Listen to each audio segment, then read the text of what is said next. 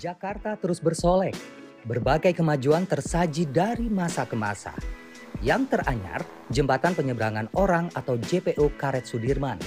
Anjungan menyerupai kapal pinisi begitu ikonik berpadu dengan lanskap kemegahan gedung-gedung ibu kota.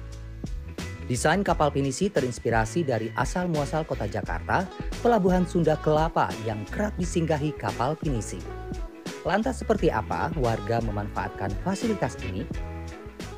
Memfasilitasi juga sih untuk tempat apa ya bisa menjadi hiburan juga ya. Kita kan penat gitu kan ya. Terus pas nyebrang ke sini lihatnya bagus. Seperti di luar negeri mungkin ya gitu. kayaknya ada kemungkinan untuk berpindah jalan kaki soalnya sekalian jalan kaki sekalian nyari tempat-tempat untuk foto yang bagus juga sih kan.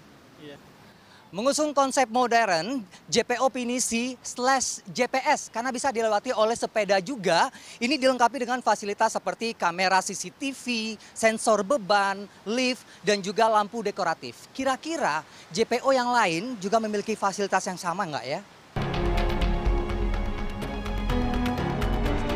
Menurut pengamat tata kota Nirwono Yoga, setidaknya ada 300 JPO yang tersebar di Jakarta. Lebih dari 20 JPO telah direvitalisasi dalam lima tahun terakhir. Ia menyayangkan tidak semua JPO mendapat perhatian yang sama. Fokus pembenahan JPO atau revitalisasi JPO masih dalam konteks daerah utama Jakarta. ya. Tentu dalam hal ini kita tahu yang paling dominan ada di Sudirman Tamrin. ya. Terus kemudian kita lihat juga upaya dilakukan dalam konteks ini lebih kepada revitalisasi atau beautifikasi dari JPO yang sudah ada ya. Nah, yang ketiga yang juga uh, apa uh, perlu dicermati adalah distribusi pembangunan atau revitalisasi JPO belum merata. Nirwono menambahkan revitalisasi JPO di kawasan Sudirman hanya bersifat estetika, belum sepenuhnya fungsional. Padahal masih di kawasan Sudirman dan JPO ini baru dibangun tahun 2018 yang lalu, tapi sudah ada fasilitas yang tidak bisa digunakan seperti ini.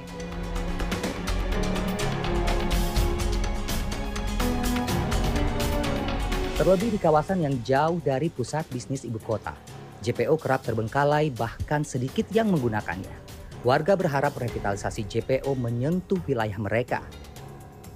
Biar orang-orang mau nyebrang biar jangan ada kecelakaan di sini ya dibikin lebih bagus lagi lah. Jadi orang naik ke atas itu nggak sungkan. Bila kita bergeser ke kawasan pinggir Jakarta, pemandangan yang berbeda saya lihat di JPO yang saya datangi ini. Misalnya cat yang sudah mulai terkelupas pada tiang-tiang, kemudian pijakan besi ini yang sudah mulai berkarat, sehingga tentunya beresiko kepada keamanan para pejalan kaki.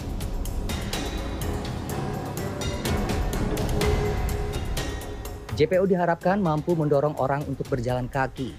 Integrasinya dengan transportasi publik juga diharapkan mampu membuat masyarakat Jakarta beralih ke moda transportasi umum. Roni Satria, Urip Handoyo, Jakarta.